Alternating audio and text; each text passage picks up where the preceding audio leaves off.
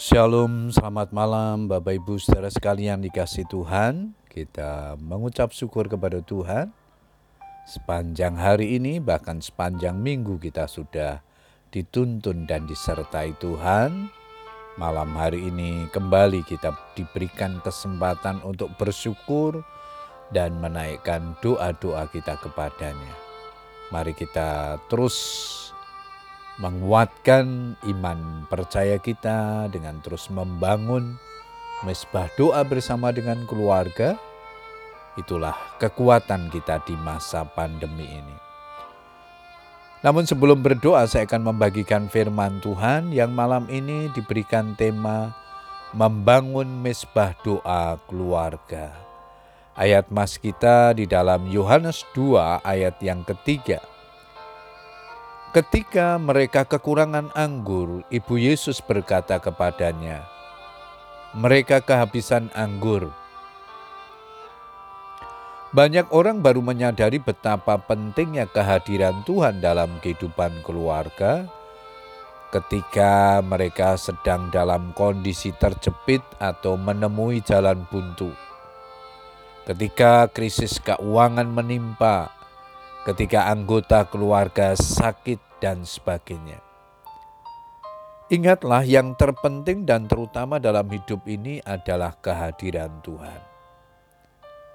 Biarlah kita merasakan kehadiran Tuhan bukan hanya saat berada di tempat ibadah atau gereja, tetapi juga dalam keseharian kita bersama dengan keluarga.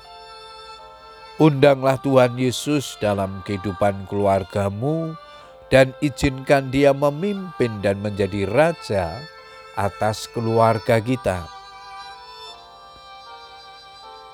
Ketika pesta perkawinan di Kana masih berlangsung, tiba-tiba mereka kehabisan anggur. Bagi kalangan orang Yahudi, anggur merupakan minuman yang wajib ada di setiap pesta perkawinan. Kehabisan anggur di tengah pesta adalah masalah yang sangat serius karena bisa menimbulkan rasa malu bagi si tuan rumah. Memberitahukan masalah kepada Yesus berbicara tentang doa. Penting sekali kita membangun misbah doa di keluarga. Sebab misbah doa itu berbicara mengenai kehidupan doa, pujian dan perenungan firman Tuhan yang dilakukan bersama seluruh anggota keluarga. Misbah doa adalah waktu yang berkualitas bagi seluruh anggota untuk menyembah Tuhan dan merenungkan firman-Nya.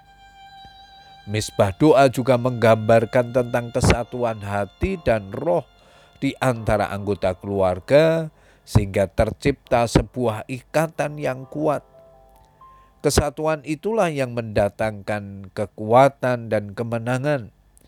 Bila keluarga hidup dalam kesatuan, seperti yang dikatakan Mazmur 133 ayat yang ketiga, maka ke sanalah Tuhan memerintahkan berkat kehidupan untuk selama-lamanya.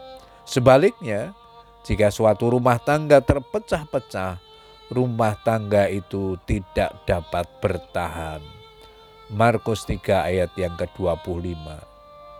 Jika Tuhan hadir di tengah-tengah keluarga kita, maka Dia akan memimpin, menyertai, dan menuntun kita serta mengarahkan kita dalam mengambil keputusan-keputusan penting dalam hidup ini. Kehadirannya sanggup mengubahkan yang buruk menjadi baik, Kehadirannya sanggup mengubahkan yang tidak mungkin menjadi mungkin. Oleh sebab itu, membangun mesbah doa keluarga haruslah menjadi prioritas utama dalam setiap kehidupan keluarga Kristen. Puji Tuhan Bapak Ibu Saudara sekalian, biarlah firman Tuhan malam hari ini menolong kita untuk kita terus membangun kehidupan doa terlebih di masa pandemi dengan segala tantangan dan kesulitan ini. Selamat berdoa dengan keluarga kita.